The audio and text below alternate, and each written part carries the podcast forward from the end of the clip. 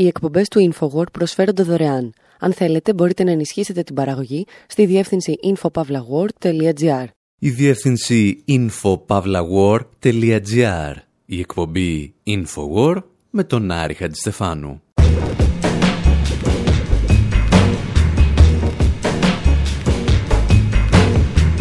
Όπου σήμερα παίρνουμε το πρώτο αεροπλάνο για τη Βενεζουέλα. Κυριολεκτικά. Το Infowar ταξίδεψε τον περασμένο μήνα στο Καράκας και γέμισε μια βαλίτσα εικόνες, ήχους και συνεντεύξεις.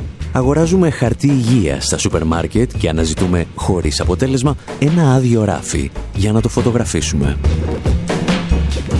Αναρωτιόμαστε γιατί μια χώρα να δηλώνει ότι δεν αντιμετωπίζει ανθρωπιστική κρίση όταν όλοι θέλουν να την βοηθήσουν με τις μικιό τους ή τον στρατό τους. Σκεφτόμαστε τι δουλειά έχουν τα σπασμένα γυαλιά του Σαλβαδόρ Αλιέντε στην είσοδο του Υπουργείου Εξωτερικών της Βενεζουέλας και ρωτάμε γι' αυτό μία από τις διασημότερες οικονομολόγους της χώρας.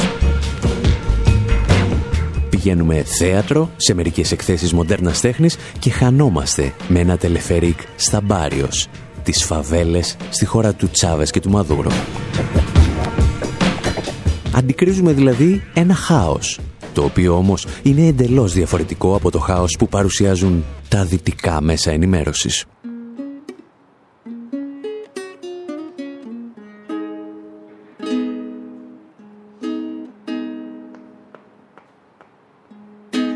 puedo creer como todavía hay gente que pueda querer que en su casa una bomba le vaya a caer inconscientemente y por ahí están invocando ese poder. no puedo creer como todavía hay gente que pueda querer que en su casa una bomba le vaya a caer. Ingenuamente y por ahí están invocando ese poder en pleno siglo XXI, donde aún pensamos que como yo no hay ninguno, van cayendo bombas, balas directas en nuestra cabeza y nos las tragamos con un poco de cerveza. Es ignorancia, rancia inconsciente, enseguecedora, no comprende lo que estás llamando ahora. A que venga gente que no tiene nada que ver, a querer meter sus narices en nuestro poder, nuestro poder espiritual nuestro poder de crear y transformar. Este territorio es especial. Y hay gente que los dientes le quiere venir No puedo creer como todavía hay gente que pueda querer que en su casa una bomba le vaya a caer. Inconscientemente y por ahí están invocando ese poder no puedo creer como todavía hay gente que pueda querer que en su casa una bomba. Η κοπελιά που σας τραγουδά ακούει στο όνομα Μαριάννα Σαν Χουάν και είναι ανερχόμενο αστέρι στη μουσική σκηνή της Βενεζουέλας. Εμάς πάλι μας θύμισε ελαφρώς την Γαλλίδα Ζάζ.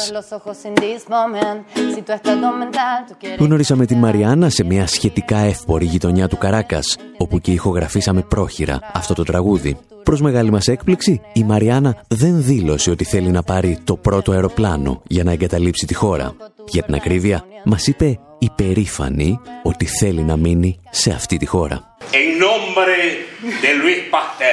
1822-1895 Το ίδιο βράδυ θα πεταχθούμε μέχρι το θέατρο ΤΕΤ, ένας παλιός κινηματογράφος στο υπόγειο ενός ναού που λειτουργεί εδώ και μερικά χρόνια σαν θέατρο. Ανεβάζουν την παράσταση «Acto Cultural» του Χωσέ Ιγνάσιο Καμπρούχας, ένα έργο που θεωρείται πλέον κλασικό για το βενεζουελάνικο θέατρο. Μια κομμωδία για όσα μπορούν να πάνε στραβά σε μια χώρα και θα πάνε.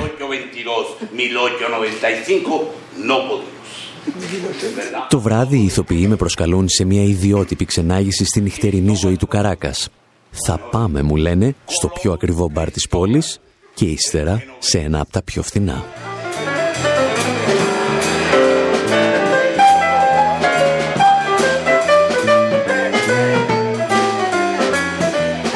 Πρώτος σταθμός λοιπόν, το μπαράκι Χουάν Σεμπαστιάν. Καλή τζάζ και κόσμος της υψηλής κοινωνίας. Παραδόξως, στην πόρτα δεν υπάρχει face control. Ένας φτωχός απλώς δεν θα τολμήσει να πλησιάσει ένα μπαρ όπου ένα ποτήρι ρούμι κοστίζει 35 ευρώ και κάποια άλλα ποτά φτάνουν τα 200. Τα περισσότερα ποτά δηλαδή υπερβαίνουν κατά πολύ το κατώτατο μισθό. Οι άνθρωποι που συχνάζουν εδώ έχουν πιθανότατα περισσότερα χρήματα από όσα θα βγάλει ο δημιουργός της εκπομπής που ακούτε, μαζί με τους ακροατές του. Και έχουμε κάμποσους ακροατές.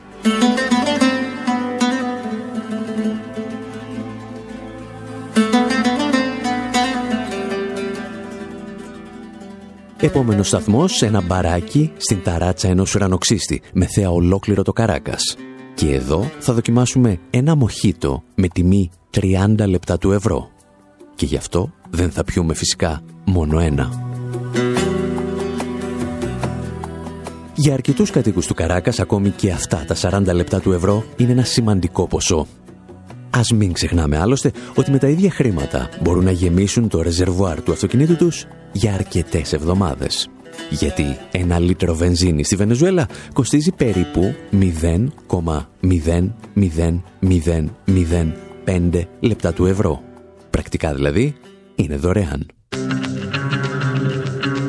Και κάπου εδώ θα αναρωτιέστε, πήγες σίγουρα στη Βενεζουέλα; Αντί για ουρές σε σούπερ μάρκετ είδες μόνο τζαζ μπαράκια και έπινες μοχίτο, αντί για πολύ νεκρές συγκρούσεις στο δρόμο, βολόδερνες στα θέατρα και σε συναυλίες και αντί να μιλάς για ελλείψεις φαρμάκων, μας μιλάς μόνο για τη σχεδόν δωρεάν βενζίνη. Η απάντηση είναι μην βιάζεστε. Η οικονομία της Βενεζουέλας είναι ένα πραγματικό μπάχαλο και πολλοί άνθρωποι υποφέρουν.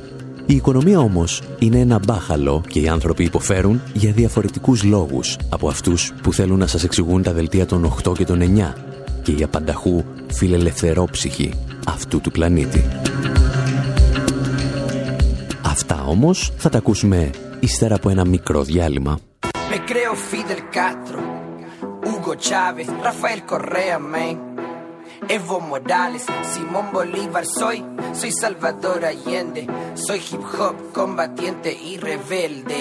Me creo Fidel Castro, Hugo Chávez, Rafael Correa, me, Evo Morales, Simón Bolívar soy, soy Salvador Allende, soy hip hop combatiente y rebelde. Lo que pasó en Honduras, me, eso fue un golpe. Los gringos lo pagaron, me dinero en el sobre. En Ecuador lo que intentaron fue un golpe, un golpe que falló, le dieron golpes al golpe. Es tiempo que explique lo que pasa en mi tierra. Volvió la dictadura en la forma de piñeta. Él es un piraña que ataca a los mapuche. Por eso grito marichihueo para que escuchen. Esto para la CIA, men, sus manos están con sangre. Quítense el camuflaje, ustedes son cobardes. Los pobres tienen hambre y los ricos son almuerzos.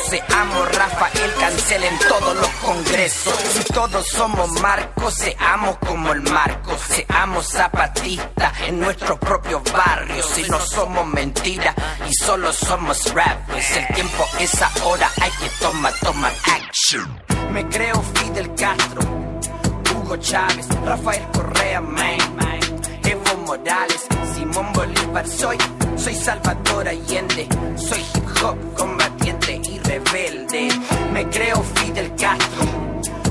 Chávez, Rafael Correa, man. Evo Morales, Simón Bolívar, soy, soy Salvador Allende, soy hip hop combatiente y rebelde. Me creo comandante, fuerte y saludable, no hay cáncer que me mate, el proceso va para adelante, soy caminante parte del pueblo, consejos comunales, organizando base. Hace tu camino, controla tu destino hacia una buena vida. Hay que vivirla digna. Las cifras indican un futuro difícil. Misiles y guerra, más gente en pobreza. Deuda externa, bancos están en quiebra. De Gringolandia a Grecia, crisis de hipoteca. Fondos monetarios protegen los empresarios. Pero soy González Claudio, copiando Wells Fargo. Soy Castro, soy Chávez, pero al margen del gobierno. Soy célula durmiendo dentro del imperio. Despierto en el momento preciso, creído porque creo en ese cambio que se vive a diario. Me creo Fidel Castro, Hugo Chávez, Rafael Correa, man. Evo Morales, Simón Bolívar, soy, soy Salvador Allende, soy hip hop combatiente y rebelde. Me creo Fidel Castro, Hugo Chávez, Rafael Correa Main, Evo Morales, Simón Bolívar. Soy, soy Salvador Allende, soy hip hop combatiente y rebelde. En fin, el retorno. Στην εκπομπή Infowar με τον Άρη Χατζηστεφάνου διηγούμαστε ιστορίες από την μεγάλη αποστολή στη Βενεζουέλα. Συνειδητοποιήσαμε από τις πρώτες ώρες της παραμονής μας ότι η εικόνα που παρουσιάζει η χώρα δεν έχει την παραμικρή σχέση με αυτή που παρουσιάζουν τα διεθνή μέσα ενημέρωσης. Όποιος σας πει όμως ότι τα πράγματα είναι καλά και η καθημερινότητα κυλά κανονικά, απλώς σας λέει ψέματα. Για όσες ημέρες παραμείναμε στο Καράκας δεν καταφέραμε ποτέ να προσεγγίσουμε ένα ATM κάποιας τράπεζας που να λειτουργεί. Στα υπόλοιπα υπήρχαν ουρές δεκάδων ή και εκατοντάδων μέτρων, στις οποίες έπρεπε να περιμένεις αρκετές ώρες για να βγάλεις το αντίστοιχο ενός δολαρίου σε Μπολίβαρ. Ακόμη και οι μικρότερες συναλλαγές, όπως να αγοράσεις ένα σάντουιτς στο βρώμικο της γειτονιάς, γίνονται με προπληρωμένες πιστοτικές κάρτες. Ουρές λοιπόν υπάρχουν, όχι όμως για τρόφιμα, αλλά για χρήματα. Κατά διαστήματα επίσης εμφανίζονται ελλείψεις φαρμάκων. Παρ' όλα αυτά δεν είδαμε πουθενά ελλείψεις βασικών ειδών διατροφής.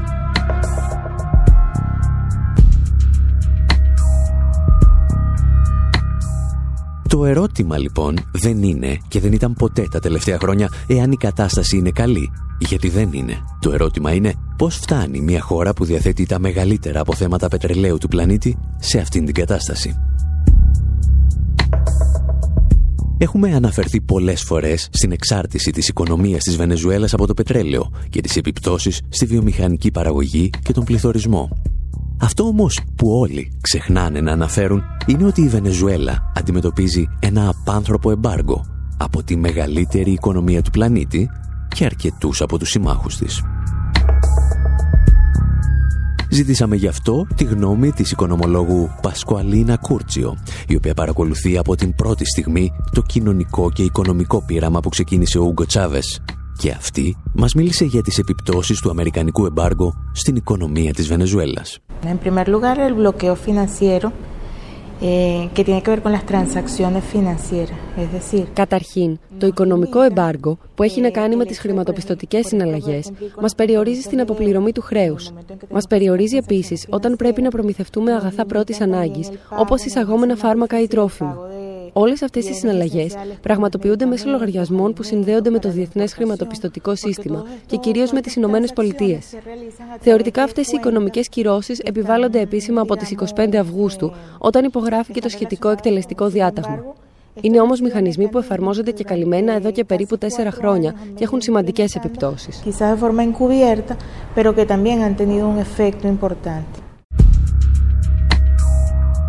Το αμερικανικό εμπάργκο είναι λοιπόν ο ελέφαντας στο δωμάτιο της οικονομίας της Βενεζουέλας για το οποίο κανένα από τα δυτικά μέσα ενημέρωσης δεν θέλει να μιλά.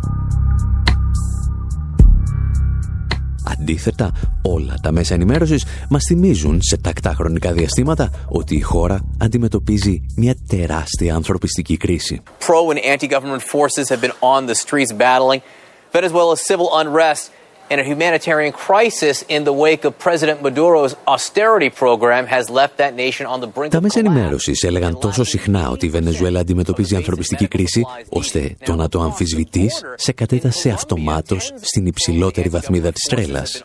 Και έτσι, το Αμερικανικό Κογκρέσο άρχισε να συζητά ανοιχτά το ενδεχόμενο αποστολής ανθρωπιστικής βοήθειας στη Βενεζουέλα, αν χρειαζόταν και με τη βοήθεια του στρατού. Το πρόβλημα για τις Ηνωμένες Πολιτείες ήταν ότι τις τελευταίες εβδομάδες επισκέφθηκε τη Βενεζουέλα ο ανεξάρτητος εμπειρογνώμονας του Οργανισμού Ηνωμένων Εθνών, Άλφρεντ Ντεζάγιας. Και ο κύριος αυτός είπε όλα όσα δεν ήθελε να ακούσει κανένας. Κυρίως δηλαδή ότι η χώρα δεν αντιμετωπίζει ανθρωπιστική κρίση.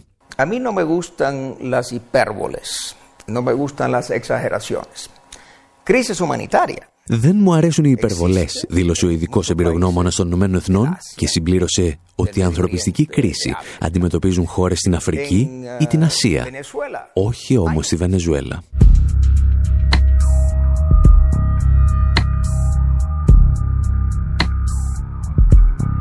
Ούτε ο Άλφρεντ Ντεζάγιας ούτε η Πασκουαλίνα Κούρτσιο επιχειρούν να εξοραίσουν την κατάσταση στη χώρα. Και οι δύο μιλούν για ελλείψεις και ιδιαίτερα δύσκολες συνθήκες στην καθημερινότητα των κατοίκων. Ο καθένας όμως με τον δικό του τρόπο επιχειρεί να μετατοπίσει την κουβέντα στο πραγματικό ερώτημα. Γιατί κάποιοι επιμένουν να μιλούν για ανθρωπιστική κρίση και τι περιμένουν από αυτό; Για την Πασκουαλίνα Κούρτσιο πρόκειται για μια νέα μορφή πολέμου ο οποίος κρύβεται πίσω από τον υποτιθέμενο ανθρωπισμό. La relación entre la economía y la política, ¿no? Y las guerras. Eh, Γνωρίζαμε τη σχέση μεταξύ οικονομίας, πολιτικής και πολέμων. Τώρα βλέπουμε μια νέα μορφή πολέμων, μη συμβατικών, σαν συνέχεια της πολιτικής. Δεν είναι μόνο οικονομική πόλεμη. Στη Βενεζουέλα, για παράδειγμα, είναι ένας πόλεμος που χτυπά την οικονομία, αλλά δεν μπορεί να εξηγηθεί χωρίς να εξεταστεί η επικοινωνιακή πλευρά των μέσων ενημέρωσης που μεγαλοποιεί και δίνει υπόσταση σε αυτό τον οικονομικό πόλεμο. Για παράδειγμα, όλο αυτό το θέμα του νέου νόμου του Αμερικανικού Κογκρέσου, που ορίζει ότι η Βενεζουέλα διέρχεται ανθρωπιστική κρίση και χρήζει ανθρωπιστικής βοήθειας, είναι μια νέα μορφή πολέμου. Η Βενεζουέλα περνά μια δύσκολη στιγμή, σε μεγάλο βαθμό εξαιτίας όλων αυτών των επιθέσεων. Δεν αντιμετωπίζει όμως ανθρωπιστική κρίση. Αυτή είναι η εικόνα που παρουσιάζουν τα μέσα ενημέρωσης. Αυτή τη στιγμή υπάρχει έλλειψη στα φάρμακα, αλλά δεν χρειαζόμαστε ανθρωπιστική βοήθεια. Γιατί; Διότι η έλλειψη δεν οφείλεται στο ότι δεν λειτουργούν οι επιχειρήσεις. Απλώς οι επιχειρήσεις αυτές δεν διανέμουν τα φάρμακα. Είναι νέες μέθοδοι ενός μη συμβατικού πολέμου. Κάποιοι τον λένε τετάρτης γενιάς, άλλοι υβριδικό και είναι χωρίς όπλα. Βλέπουμε νέες βάσεις, όχι απαραίτητα στρατιωτικές, γύρω από τη Βενεζουέλα. Παρουσιάζονται ως βάσεις ανθρωπιστικής βοήθειας. Pero que tienen, por ejemplo, nombres como bases de ayuda humanitaria, bases humanitarias. Η Βενεζουέλα λοιπόν, σύμφωνα με την Πασκουαλίνα Κούρτσιο, δεν αντιμετωπίζει ανθρωπιστική κρίση, αλλά έναν οικονομικό πόλεμο από τη μοναδική υπερδύναμη του πλανήτη. Και όπως θα μας εξηγήσει στο δεύτερο μέρος της εκπομπής, δεν είναι ούτε η πρώτη, ούτε η τελευταία.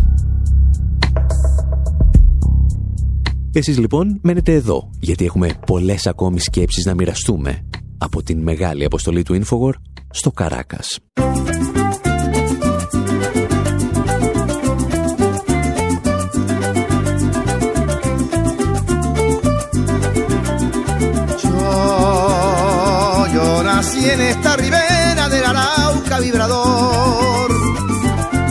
Hermano de la espuma, de las garzas, de las rosas.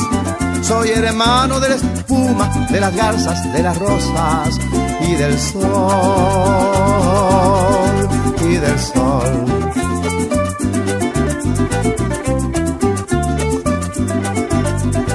Me arrulló la viva diana de la brisa en el palmar y por eso tengo el alma como el alma primorosa y por eso tengo el alma como el alma primorosa del cristal,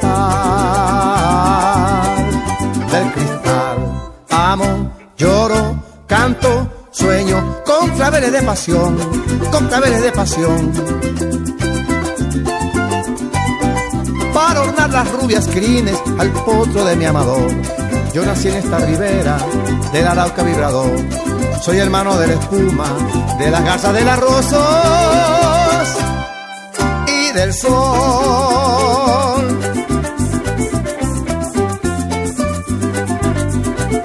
Me arrulló la viva diana de la brisa en el palmar y por eso tengo el alma como el alma primorosa y por eso tengo el alma como el alma primorosa del cristal, del cristal. Amo, lloro, canto, sueño con claveles de pasión, con claveles de pasión. Para ornar las rubias crines del poto de mi amador. Yo nací en esta ribera del Arauca vibrador. Soy hermano de la espuma, de la casa de las rosas y del sol. Οι εκπομπές του InfoWord προσφέρονται δωρεάν. Αν θέλετε, μπορείτε να ενισχύσετε την παραγωγή στη διεύθυνση infopavlaw.gr.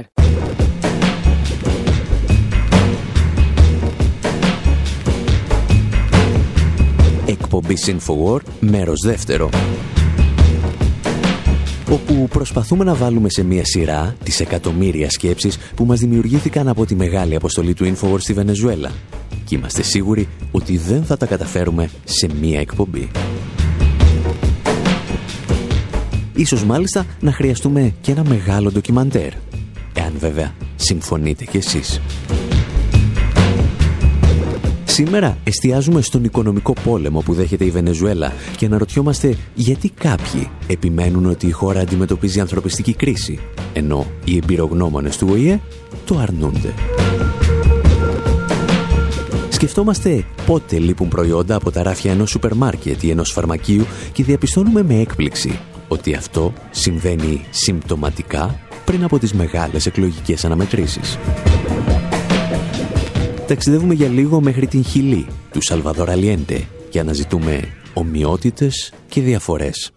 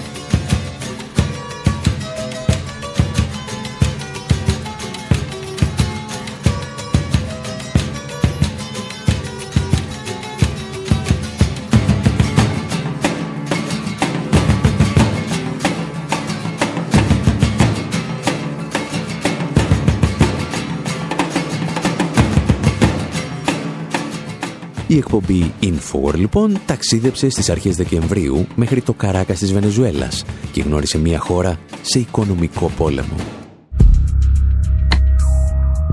Πριν από μερικούς μήνες η οικονομολόγος Πασκουαλίνα Κούρτσιο παρουσίασε το βιβλίο της με τίτλο «Το ορατό χέρι της αγοράς» και εκεί αποδομεί δεκάδες μύθους για την οικονομική κατάσταση στη Βενεζουέλα.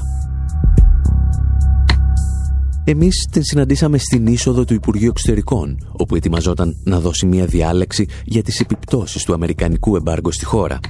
Και, συμπτωματικά ή όχι, την βρήκαμε να κάθεται δίπλα σε ένα περίεργο γλυπτό. Ένα τεράστιο ομοίωμα από σπασμένα γυαλιά οράσεως. Πρόκειται για ένα αντίγραφο από τα σπασμένα γυαλιά του Προέδρου της Χιλής Σαλβαδόρ Αλιέντε, όπως βρέθηκαν στο Προεδρικό Μέγαρο του Σαντιάγο μετά το θάνατό του. Και ήταν ακριβώς αυτές οι ιστορίες από τη Χιλή και τις ομοιότητες που παρουσιάζει με τη Βενεζουέλα για τις οποίες ήθελε να μας μιλήσει η Πασκουαλίνα Κούρτσιο. Bueno, es que efectivamente lo que estamos viviendo en Venezuela eh, trasciende el momento. Eh, Αυτό που ζούμε στη Βενεζουέλα ξεπερνά τα όρια της χώρας. Πρόκειται για μηχανισμούς που εφαρμόστηκαν και σε άλλες χώρες. Μηχανισμούς που ενεργοποιούνται όταν γίνεται αισθητή η απειλή να εδραιωθεί ένα σύστημα εναλλακτικό του καπιταλισμού. Οι χώρες, οι λαοί που αποφασίζουν να περάσουν σε ένα μοντέλο εναλλακτικό του καπιταλισμού, δέχονται την επίθεση των μεγάλων κεφαλαίων. Στην περίπτωση της Χιλής, αυτό είναι ιδιαίτερα ενδιαφέρον, καθώς τη δεκαετία του 70 επί Σαλβαδόρα Αλιέντε αποφασίστηκε η μετάβαση σε ένα νέο μοντέλο. Ξεκίνησε λοιπόν μια σειρά ενεργειών, σαν αυτέ που παρατηρήθηκαν στη Βενεζουέλα, όχι μόνο σε οικονομικό αλλά και σε πολιτικό επίπεδο. Προκλήθηκαν ξεσπάσματα βία στου δρόμου, ακινητοποίηση των μέσων μεταφορά, καταλήψει σε νοσοκομεία. Υπήρξαν επίση ελλείψει σε είδη πρώτη ανάγκη. Τα ράφια άδειασαν. Αν όμω κανεί εξετάσει τα επίπεδα παραγωγή και εισαγωγών στη Χιλή εκείνη την τριετία, είναι τα υψηλότερα. Τα αγαθά παράγονταν και εισάγονταν, αλλά δεν κυκλοφορούσαν στην αγορά. Μετά την ανατροπή του Αλιέντε, το 1973, εμφανίστηκαν και πάλι όλα τα προϊόντα. Ήταν εκεί, αλλά είχε παγώσει η διανομή τους. Luego que fue derrocado Salvador Allende en el año 73 aparecieron todos los productos. Για να καταλάβουμε τι ακριβώς εννοεί η Βενεζουελάνα οικονομολόγος, θα πρέπει να θυμηθούμε δύο κουβέντες που είχαμε πει και παλιότερα για τον οικονομικό πόλεμο εναντίον της Χιλής. Ιστορίες που ξεκινούσαν με τραγούδια σαν κι αυτά.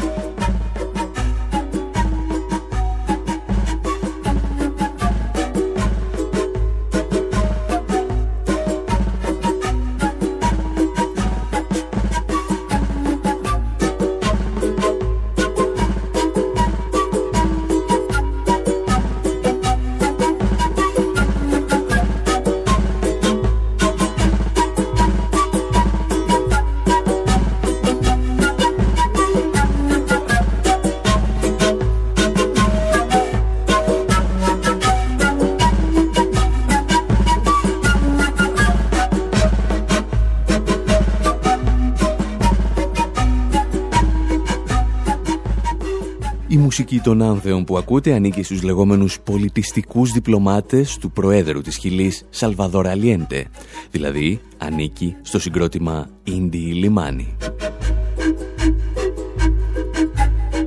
Θεωρούνται ακόμη και σήμερα ως οι βασικότεροι εκφραστές του ρεύματος Νουέβα Κανθιόν, που ακολούθησε και παρακολούθησε επαναστάσεις και αντεπαναστάσεις στη Λατινική Αμερική της δεκαετίας του 70 και του 80.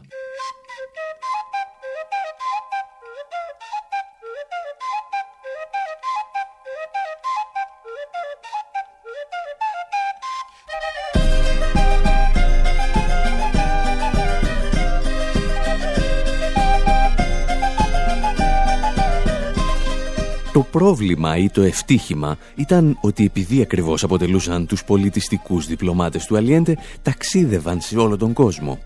Και έτσι, όταν σημειώθηκε το πραξικόπημα της 11 Σεπτεμβρίου του 1973 στη Χιλή, αυτοί ήταν σε περιοδία στην Ευρώπη και το έχασαν. Για την ακρίβεια έμειναν αποκλεισμένοι έξω από τη χώρα τους. Και αυτός είναι πιθανότατα και ο λόγος που είναι ζωντανοί ακόμη και σήμερα και δεν εκτελέστηκαν μαζί με άλλους καλλιτέχνες όπως ο Βίκτορ Χάρα. Στην πραγματικότητα, οι Ίνδιοι λιμάνοι έχασαν απλώς την τελευταία πράξη του πραξικοπήματος, όταν τα άρματα μάχης κυκλοφορούσαν πλέον στους δρόμους του Σαντιάγκο και τα αεροσκάφη, υπό τις εντολές του Πινοσέτ, βομβάρδιζαν το προεδρικό μέγαρο της Χιλής γιατί οι Ίνδιοι λιμάνοι αλλά και όλοι οι οπαδοί της σοσιαλιστικής κυβέρνησης του Αλιέντε γνώριζαν πολύ καλά ότι το πραξικόπημα για την ανατροπή του Προέδρου είχε ξεκινήσει πριν ακόμη εκλεγεί πρόεδρος. Και κανένας δεν γνωρίζει καλύτερα αυτή την ιστορία από τον Πίτερ Κόρνμπλουχ, διευθυντή του Εθνικού Αρχείου Ασφαλείας των Ηνωμένων Πολιτειών, ο Κόρνμπλουχ πέρασε τα τελευταία χρόνια διαβάζοντας 20.000 απόρριτα έγγραφα και μαγνητοτενίες της εποχής. Τα εξηγούσε πριν από περίπου ένα χρόνο μιλώντας στο Democracy Now! Richard Nixon and Henry Kissinger launched a preemptive strike against Salvador Allende. Ο Ρίτσαρντ Νίξον και ο Χένερ Κίσιγκερ ξεκίνησαν ένα προληπτικό χτύπημα απέναντι στο Σαλβαδόρ Αλιέντε προκειμένου να μην ανακηρυχθεί πρόεδρος της Χιλής. Δεν είχε ακόμη μπει στο προεδρικό μέγαρο της Μονέδα όταν αποφάσισαν να αλλάξουν την ιστορία της χώρας. Ο Νίξον διέταξε τη CIA να κάνει τη χιλιανή οικονομία να ουρλιάξει, χρησιμοποιώντας όσο προσωπικό απαιτούντα.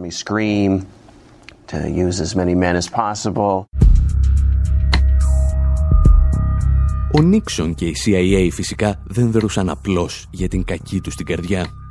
Υπάκουαν στις εντολές οικονομικών κέντρων στην Ουάσιγκτον. Συγκεκριμένα εκτελούσαν εντολές εταιριών όπως η ITT, οι οποίες λιμένονταν τους φυσικούς πόρους της Χιλής και φοβόντουσαν ότι η εκλογή Αλιέντε θα έβαζε τέλος στο πανηγυράκι τους. Το πρόβλημα είναι ότι ακόμη και τα καλύτερα οργανωμένα σχέδια μερικές φορές αποτυγχάνουν. It was a report contained in an IT&T um, oh, yeah. thing, but well, he was, he was instructed to. Well, but I hoped it, but he just failed. Son that's his main problem. He should have kept Allende from getting in. Ο άνθρωπος που ακούτε να τα παίρνει ελαφρώς στο κρανίο ήταν ο πρόεδρος των Ηνωμένων Πολιτειών, Ρίτσαρντ Νίξον. Η συνομιλία έχει καταγραφεί το Μάρτιο του 1972, όταν πλέον είχε γίνει γνωστό ότι η ITT είχε συνεργαστεί με το Λευκό Οίκο και τη CIA για να αποτρέψει την εκλογή του Αλιέντε. Όπως λέει όμως και ο ίδιος ο Νίξον, αυτός ο μπάσταρδος, ο πρέσβης των Ηνωμένων Πολιτειών στη Χιλή, απέτυχε στην αποστολή του. Ήταν η στιγμή να παρέμβει ο μάγος της Αμερικανικής διπλωματίας, ο Χένρι Κίσιγκερ. Kissinger then went to Nixon and said, Allende is now president. Ο Κίσιγκερ πήγε στον Νίξον και του είπε τα εξής. Ο Αλιέντε είναι τώρα πρόεδρος. Το State Department εισηγείται να τον αποδεχθούμε, αλλά εγώ θέλω να πει σε όλη την κυβέρνηση ότι δεν μπορούμε να το κάνουμε. Και ο λόγος είναι ότι έχει δημοκρατική νομιμοποίηση. Είναι εκλεγμένος. Φαντάσου λοιπόν τι θα συμβεί αν αρχίσουν να ακολουθούν και άλλες κυβερνήσεις, παραδείγματος χάρη στην Ιταλία. Τι θα κάνουμε, πώς θα αντιδράσουμε όταν άλλες κυβερνήσεις αρχίσουν να εκλέγουν τους δικούς τους Αλιέντε. Σε μια επιστολή του μάλιστα προς τον Νίξον, ο Κίσιγκερ έγραψε ότι κάτι τέτοιο θα αλλάξει την παγκόσμια ιστορία ισχύως και θα επηρεάσει δραστικά τα αμερικανικά συμφέροντα.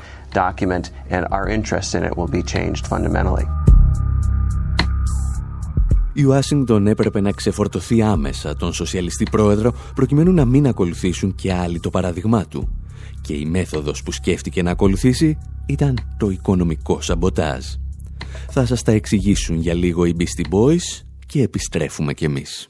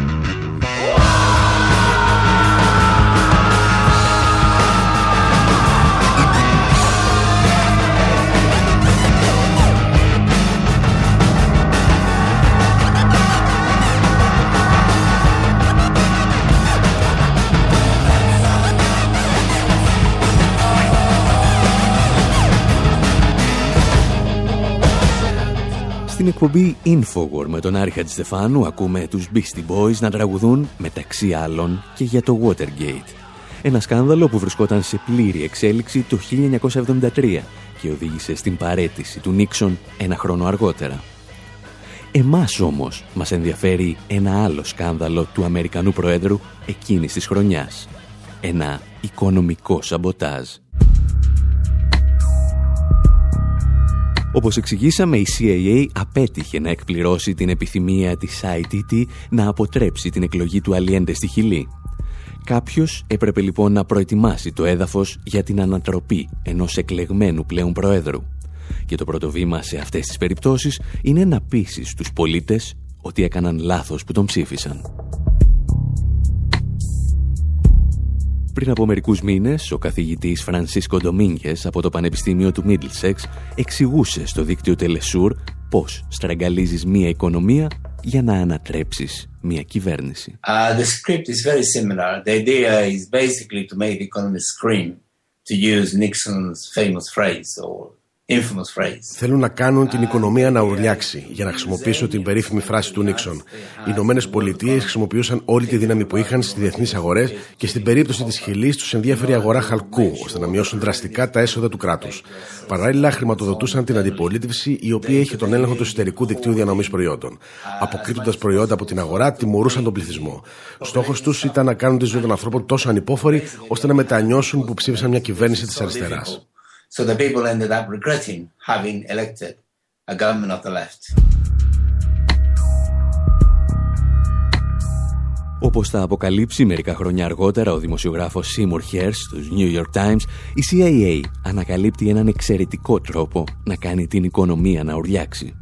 Χρηματοδοτεί τα συνδικάτα των οδηγών φορτηγών που ελέγχονται από την άκρα δεξιά και οι οδηγοί τραβούν χειρόφρενο στα οχήματά τους και ο πανικός ξεκινάει. Well, they went first of all for uh, stopping the public transport system,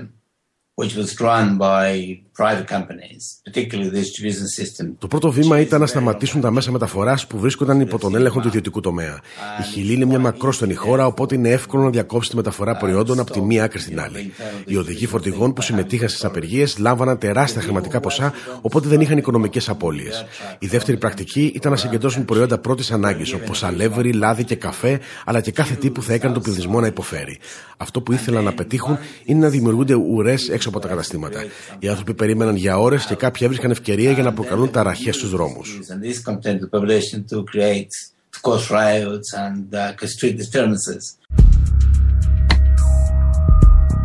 Οι μαυραγωρίτε της εποχής απομακρύνουν ήδη πρώτης ανάγκης από το εμπόριο προκειμένου να κερδοσκοπήσουν στη μαύρη αγορά. Και οι νοικοκυρέοι της εποχής αντιδρούν και ξεκινούν τις περίφημες διαμαρτυρίες της κατσαρόλας. Καλοντημένες κυρίες δανείζονται για λίγο τα μαγειρικά σκεύη από το υπηρετικό τους προσωπικό και τα χτυπούν με μανία στους δρόμους των μεγάλων αστικών κέντρων.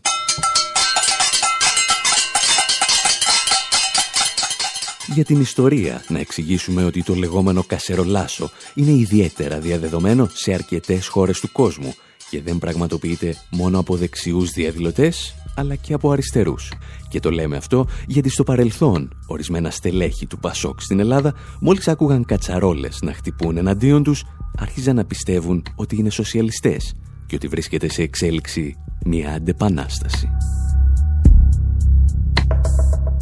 Για να επιστρέψουμε όμως στη Χιλή, είδαμε ότι η παρέμβαση των μυστικών υπηρεσιών μιας ξένης χώρας μετουσιώνεται σε δίθεν λαϊκή εξέγερση από ένα τμήμα της αστικής τάξης.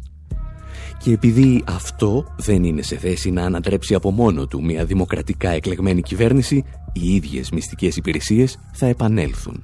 Θέλουν να τερματίσουν το μεταρρυθμιστικό πρόγραμμα του Αλιέντε προς τον σοσιαλισμό, αυτή τη φορά με τη δύναμη των όπλων.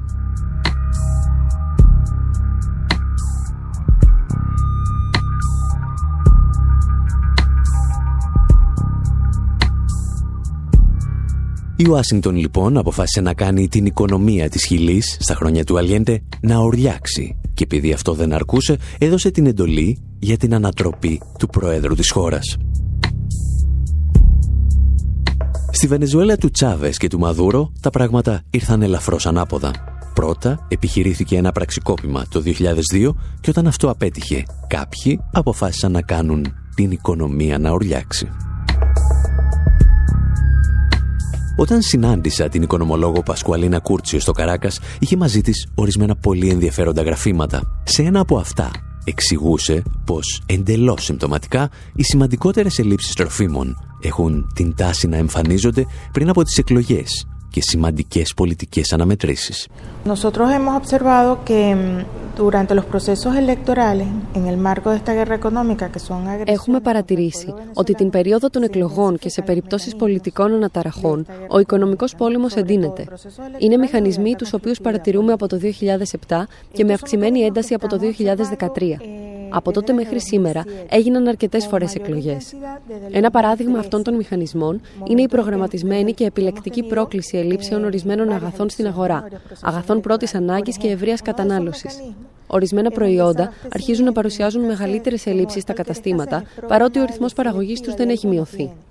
Ενώ όμως τα προϊόντα δεν υπάρχουν στα ράφια των καταστημάτων, τα βρίσκει κανείς στη μαύρη αγορά. Συνεπώς έχουν παραχθεί ή έχουν εισαχθεί. Ο στόχος αυτών των μηχανισμών είναι πολιτικός. Θέλουν να επηρεάσουν τις προτιμήσεις των ψηφοφόρων, να περιορίσουν τη λαϊκή στήριξη στην Επανάσταση μέσω των εκλογών. Όταν αυτά τα προϊόντα λείπουν από τα ράφια, δημιουργούνται έτσι μεγάλες ουρές και ο κόσμος δυσανασχετεί. y eso genera malestar en la población. Στην εκπομπή Infowar προσπαθήσαμε να βάλουμε στη σειρά ορισμένες από τις σκέψεις μας μετά τη μεγάλη αποστολή του Infowar στη Βενεζουέλα και ο ραδιοφωνικός χρόνος μας τελείωσε πριν ακόμη ξεκινήσουμε. Θα επανέλθουμε και σε άλλες εκπομπές. Θα συζητήσουμε για την αριστερά της Βενεζουέλας και για τα οικονομικά προβλήματα που ζητούν άμεσες λύσεις. Και όπως έχετε ίσως καταλάβει, σκεφτόμαστε ήδη το ενδεχόμενο να αφιερώσουμε σε αυτή τη χώρα το επόμενο μεγάλο ντοκιμαντέρ της Infowar Productions. Γι' αυτό θα θέλαμε όμως τη γνώμη σας και την περιμένουμε στη φόρμα επικοινωνίας που θα βρείτε στη διεύθυνση info.pavlawar.gr Μέχρι την επόμενη εβδομάδα από τον Άρη Χατζηστεφάνου στο μικρόφωνο και τον Δημήτρη Σταθόπουλο στην τεχνική επιμέλεια, γεια σας και χαρά σας.